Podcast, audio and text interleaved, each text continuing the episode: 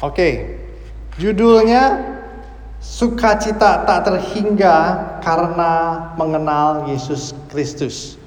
Atau bahasa kerennya Surpassing Value of Knowing Jesus Christ.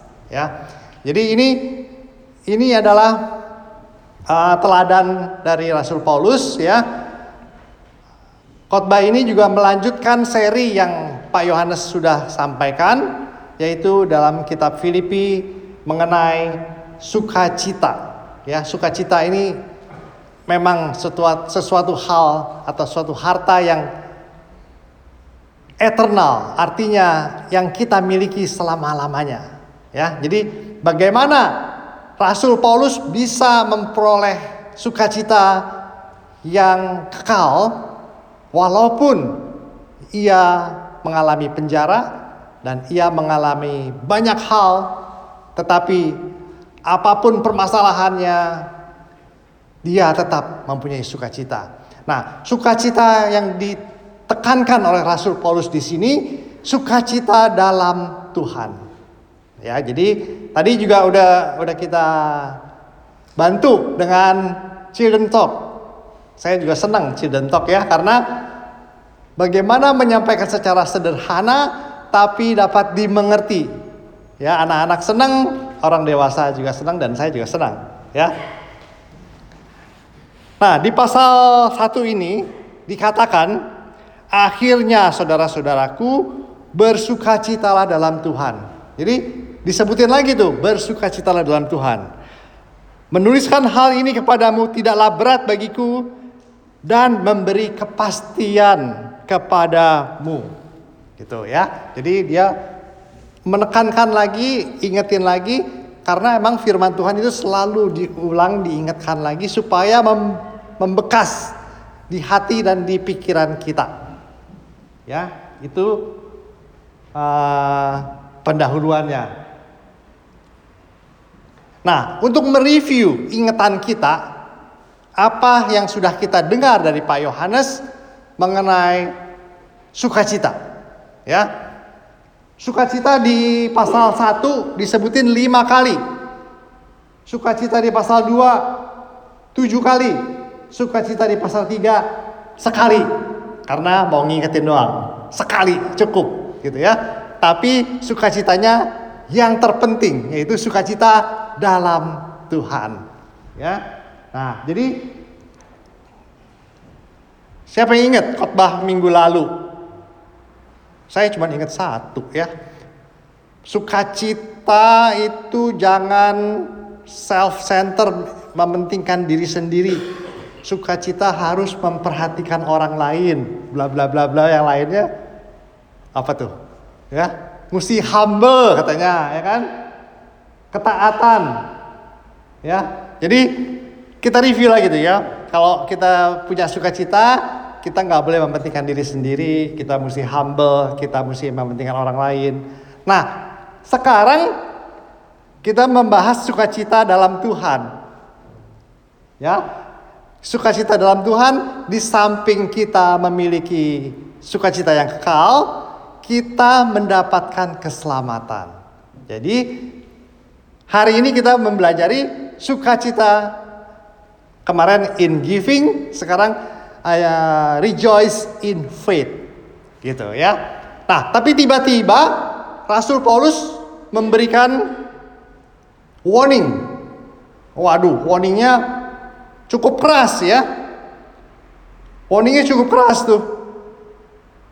Dibilang hati-hati terhadap anjing-anjing, hati-hati terhadap pekerja-pekerja jahat, hati-hati terhadap penyunat-penyunat palsu.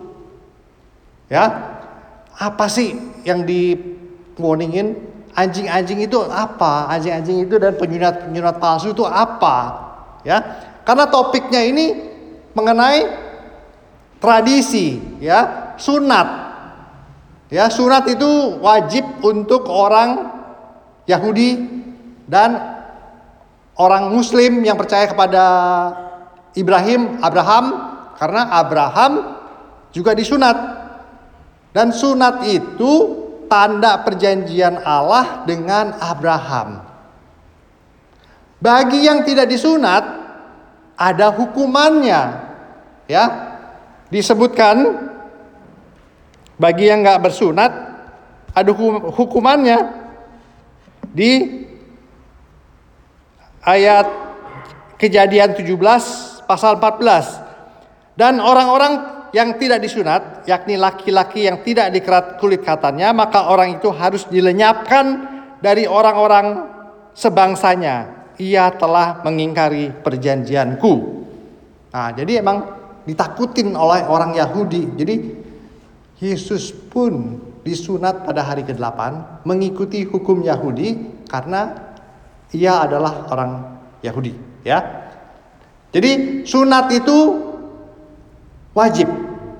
Tapi tidak menyelamatkan, ya, tidak menyelamatkan.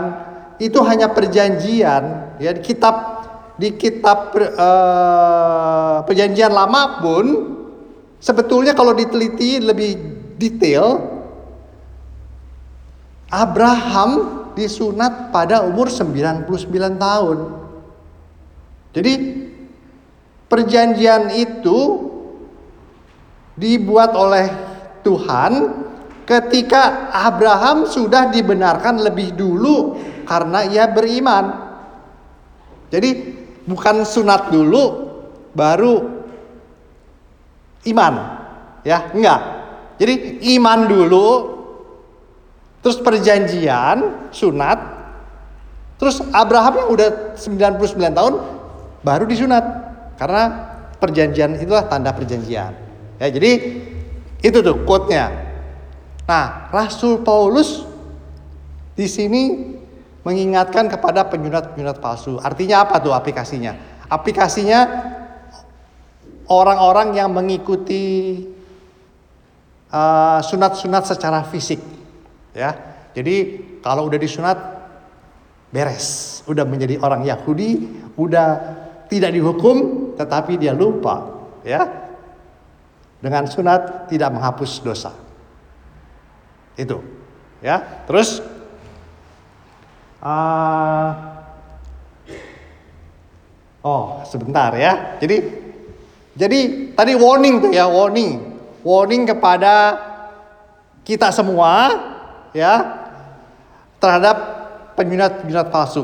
Jadi yang yang yang yang apa namanya yang bangga dia menjadi orang Yahudi, dia sudah beres melaksanakan ritual-ritualnya, ya.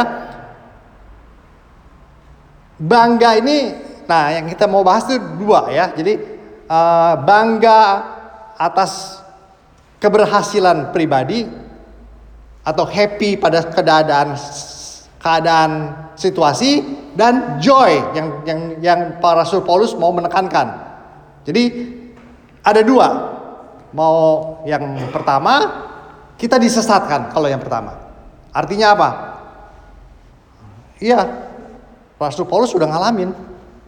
Dia bangga dia bilang. Jadi kalau perbedaannya dulu. Kalau happiness tergantung kepada emosi, temporary, dan eksternal. Tadi itu balon ya. Jadi begitu ada kesusahan dikit, seperti ada api yang memanaskan, langsung balonnya meletus, dor, hilang, gone. Tetapi kalau joy, joy itu permanen, ya. Joy itu permanen karena apa? Karena you have Jesus in your heart katanya tadi. Ya, jadi ini definisi sementara. Nah, nabi-nabi palsu atau guru-guru palsu mengajarkan self center di mana pride ya di sini Rasul Paulus kebawa oleh pride. Ya. Dia kelompok orang Farisi. Dia disunat ya. Disebutkan ya. Nih dia disunat pada hari ke-8. Dia adalah bangsa Israel. Dia dari suku Benyamin. Artinya itu suku Benyamin ya. Dari Abraham turun ke Ishak, turun ke Yakub, terus ada 12 suku. Jadi istilahnya di Indonesia, aku ini saya ini cucunya Nabi loh, kata si Paulus. Ya. Garis keturunannya jelas, ya. Cucunya Nabi. Abraham, kita siapa kita? Kita nih orang-orang Gentile, ya. Jadi kalau dibandingkan dengan Rasul Paulus, kita tuh nggak ada apa-apanya, sekecil. Hebrew of Hebrew, udah bilang orang asli Yunani, udah Hebrew of Hebrew di istilahnya tuh benar-benar paten banget ya, Hebrew of Hebrew. Terus kalau perkara hukum dia mentaati hukum itu semuanya. Hukum Taurat ada berapa? 600 lebih kalau saya nggak salah. 613 atau berapa? Tartanya Pak Kiki ya. Pak Kiki ada berapa tuh Pak Kiki? 600 lebih gitu ya. Hukum Taurat dia menaati semua. Jadi kalau kita ya ter ter apa namanya terbiasa dengan rutinitas dia udah lupa Tuhannya. Dia hanya ingat hukumnya. Dia nggak ingat relationshipnya pembuat hukum. Ya, jadi Tuhannya Rasul Paulus jadinya hukum. Ya, nggak ada nggak ada feeling feeling relation with with the creator, nggak ada. Dia hanya bangga dengan kelompoknya, dia bangga dengan statusnya, inilah apa namanya dituliskan oleh Rasul Paulus bahwa kalau mau adu-aduan nih ya aku tuh paling sempurna ya melaksanakan tradisi dan hukum kita kalau mau adu-aduan kita nih uh, misalnya berbuat baik taat ya kalah kita kita nih orang Indonesia ya jauh tuh dari Israel keturunannya kalah ya. Posisi kalah juga kita rakyat biasa. Ya. Belajar hukum kalah juga. Kita juga baru baca ini hukum-hukum ini. Nah, jadi Rasul Paulus memberi teladan karena apa? Kok dia bisa tahu itu salah? Nah, ya.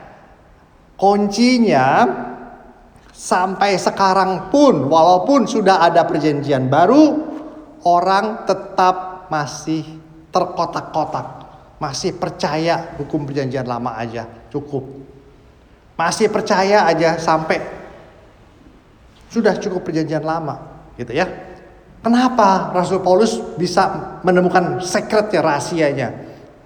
Karena dia berjumpa dengan Yesus yang bangkit. Ya, jadi Rasul Paulus itu ketemu Yesus waktu dia menganiaya pengikut-pengikut jalan Yesus katanya. Dia menganiaya. Kemudian Yesus datang menegur dia dan membutakan matanya. Tiga hari. Ya, jadi pengalaman itulah yang membukakan mata jasmani dia setelah tiga hari dan juga membuka mata rohani dia ketemu Yesus. Nah, dengan ketemu Yesus dia berubah. Ya, jadi ada transformasi. Jadi jelas ya. Si Rasul Paulus ini adalah orang yang radikal. Non believer. Waktu zamannya Yesus dia belum percaya Yesus itu sebagai Mesia. Ya. Dia malah membenarkan ajaran dia bahwa harus menjalankan hukum Taurat sehingga dia merasa benar sendiri. Ya, quote ya, merasa benar sendiri. Gitu. Jadi inilah yang dia mau share. Dia ketemu Yesus, kalau jago-jagoan melaksanakan tradisi atau sama nggak semua kalah nggak ada yang menang sama Rasul Paulus. Gitu. Ya. Nah, sebetulnya apa transformasi yang didapat oleh Rasul Paulus setelah dia mengenal Yesus?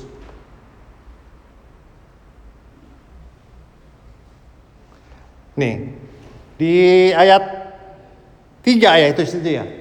Ya, ayat 3. Dibilang karena kitalah orang-orang yang bersunat koma yang beribadah oleh Roh Allah. Jadi bukan bukan bersunat fisik aja, tapi bersunat yang beribadah oleh Roh Allah dan bermegah dalam Kristus Yesus dan tidak menaruh percaya pada hal-hal yang lahiriah. Ya, jadi um, berubah tuh ya, uh, self-center, pride, pride-nya karena bermegah dalam Yesus. Ya, itu.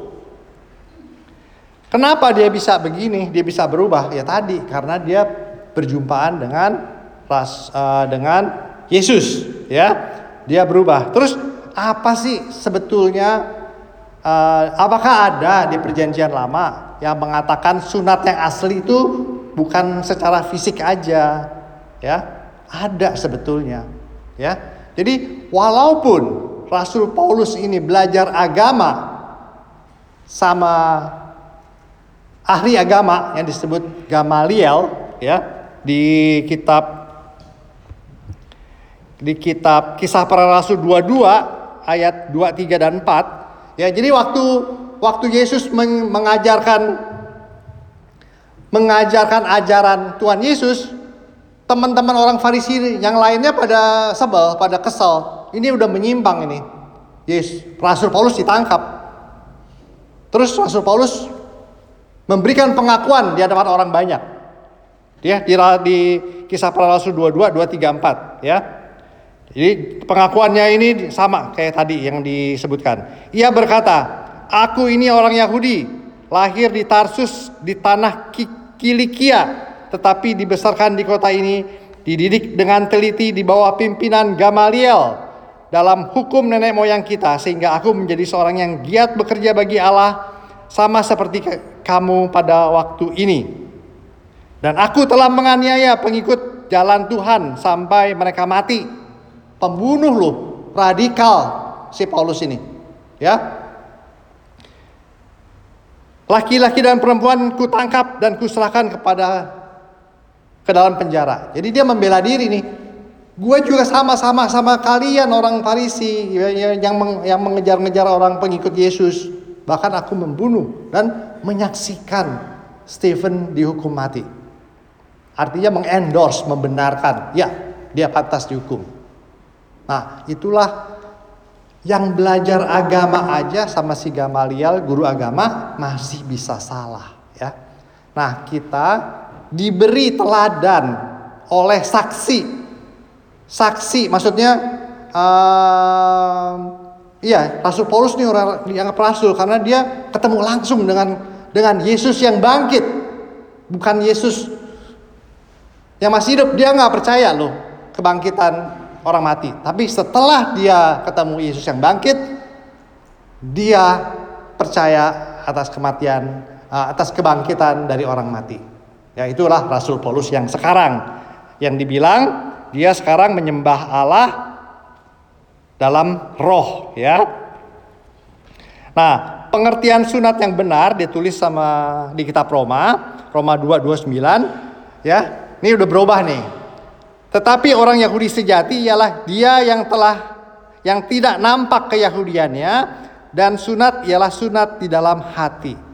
Ya, secara rohani, bukan secara lahiriah. Maka pujian baginya datangnya bukan dari manusia melainkan dari Allah. Jadi sekarang Rasul Paulus tidak mengharapkan pujian dari rekan-rekan orang Farisi. Dia hanya mengharapkan pujian dari Allah. Ya itulah Yesus Kristus ya. Uh, itulah Rasul Paulus yang bersaksi. Ya jadi uh, sangat menarik kesaksian Rasul Paulus. Teladan ya kita sudah belajar teladan Yesus yang rela mati di kayu salib untuk menebus dosa-dosa kita demikian juga ya Rasul Paulus walaupun dia punya segala-galanya orang Yahudi prestis tapi dia rela memberitakan firman Tuhan, firman kebenaran. Dia rela dipenjara. Dia rela apa pun karena dia sudah menyaksikan sendiri bahwa hidup di dunia ini sementara. Ya. Dia mengharapkan kebangkitan di antara orang mati sehingga dia tetap ingin mengenal Yesus lebih lagi. Ya. Jadi kita yang sudah Kristen ya yang Kristen lahir kita mesti ada turning point. Ya. Jadi mesti ada mesti ada bandul-bandul yang kita harus lepaskan. Ya. Jadi dibilang apa yang dulu dianggap keuntungan oleh Rasul Paulus dianggap rugi karena pengenalan dengan Yesus. Terus itu apa yang untung? Terus kemudian yang kedua, segala sesuatu untung kayak yang dulu rugi kayak ku anggap rugi karena aku mengenal Yesus. Malah dibilang sampah itu semua. Nah, jadi ini ada istilah nih ya untuk kita mau maju mengenal Yesus, beban-beban kita, pengalaman-pengalaman masa lalu, tradisi-tradisi harus kita lepaskan. Jubah-jubah apa namanya prestise kita harus melayani dengan rendah hati. Ya, harus dilepaskan Ibaratnya kalau orang mau tenggelam, kan ada bandul tuh dia ditenggelamin. Dia mesti copotin tuh bandul berupa berusaha nimbul ke atas. Kalau ini diistilahkan kapal. Kalau kapal mau berlayar kencang, harus beban-beban di kapal itu dibuang. Jadi ku lepaskan semuanya itu. Aku mau mengikuti Yesus dan aku mau mengenal dia. Ya. Nah, ada ilustrasi Caranya kenapa sih mengenal? Apa sih artinya mengenal? Ya. Nah, artinya mengenal di ada di 1 Yohanes 2, 3 dan 4. Alkitab mengatakan kepada kita, dan inilah tandanya bahwa kita mengenal Allah, yaitu jikalau kita menuruti perintah-perintahnya. Barang siapa berkata, aku mengenal dia, tapi ia tidak menuruti perintahnya, ia adalah seorang pendusta, dan di dalamnya tidak ada kebenaran. Jadi itu yang dimaksud, ya. Saya mau mengilustrasikan satu sebagai penutup, ya. Uh, kita ini udah mengejar prestasi, ya, udah mengejar kedudukan dah kita sekolah SD, SMP, SMA, S1, S2, S3. Pas S3 mau dilantik, mau diwisuda, kita mobil kita lagi hujan. Mobil kita slip. Ya. Sit, udah kayak masuk ke hampir ke nabrak pembatas di motorway. Ya, mati dah aku katanya. Mati dah aku. Ya, habis dah semua. Sem semuanya habis gitu ya. Semua yang dibanggakan, ijazah semua yang dipegang mau diwisuda. Aduh, nggak ada apa-apa, sia-sia. Ya, Kayak ada cerita kan yang anaknya mau sekolah di luar negeri berenang pas dia mau sekolah atau mau di wisuda dia kecelakaan. Tapi kita nih kecelakaan juga, tapi kita ketolong. Ceritanya ya. Kita ketolong, tabrakan, duar, hancur mobilnya. Kemudian Entah bagaimana kalau dilihat mobilnya kerusakan di mobil, kita pasti mati. Tapi dia langsung pisan, pingsan dan dia sadar-sadar di rumah sakit. Dia ingat waktu itu waktu dia tabrakan ada tangan yang menolong menarik dia, ya berjubah putih, ya pokoknya dia dia kenal kira-kira itu Yesus, ya. Kemudian sampai di rumah sakit waktu dia sadar, lah berarti benar dia masih hidup, ya dia masih hidup, dia tanya sama suster-suster yang jaga atau sama teman-temannya, siapa yang menolong aku? Ya, dokter-dokter berkata, iya kami semua yang menyelamatkan kamu. Enggak, ada satu orang, aku kenal dia. Ya, dialah Yesus Kristus. Jadi, sepanjang hidupnya sejak saat itu, dia mau mencari dan mengenal Yesus lebih dalam lagi. Jadi beda ya. Knowing about someone, jadi kita kenal tentang Joe Biden, ya kita kenal tentang Putin, tapi kita tidak kenal benar-benar. But if I know you, ya, I know Pak Hadi, aku tahu kesukaan makannya, ya, aku tahu semuanya, gitu. Aku mau belajar dari dia, ya. Jadi itulah bagaimana kita merespon, mengenal Yesus lebih dalam lagi, yaitu dengan mentaati perintah-perintahnya. Nah, jadi kesimpulannya kita bisa tuh uh, ya. Jadi joy yang didapat oleh Rasul Paulus itu tak terhingga, ya. Jadi walaupun ada badai, walaupun kematian akan menimpanya waktu dia membela Yesus, tidak masalah karena dia ingin mengikuti kematian dan sengsara Tuhan Yesus supaya dia juga dapat dibangkitkan bersama-sama dengan Yesus. Ya, jadi joy itu tidak internal. Joy itu because of God has done something to us. Jadi pengertian rejoice itu ya secara Alkitab itu we we are not worth it doing apa we are not worth it to be to be safe but by grace ya we are safe ya jadi itulah sukacita kita ya karena itulah uh, dia mendapatkan kebenaran sejati Ya, bukan karena kebenaran mentaati hukum Taurat, tetapi kebenaran dalam Yesus Kristus. Ya, dan dia bermegah atas Yesus Kristus. Ya, kiranya kita semua ini memiliki joy yang sama oleh Rasul Paulus karena dengan memiliki joy otomatis happy juga melekat di kita. Ya, Happy melekat di kita. Jadi lingkarannya gede, joy. Di dalamnya ada happy, pride juga boleh yang positif. Ya kalau kita be be bekerja sungguh-sungguh kita dapat penghargaan, it's okay. Ya, itu ada di dalam joy juga. Ya, jadi dengan mengikut Yesus, uh, rejoice in the Lord, kita mendapatkan sukacita yang tak terhingga dan kita sangat berterima kasih atas grace yang Tuhan berikan sehingga kita bisa diselamatkan. Amin. Mari kita berdoa. Ya Tuhan, terima kasih Tuhan atas firman singkat ini Tuhan, mengingatkan kepada kami semua Tuhan atas pengalaman-pengalaman Rasul Paulus bertemu dengan Yesus.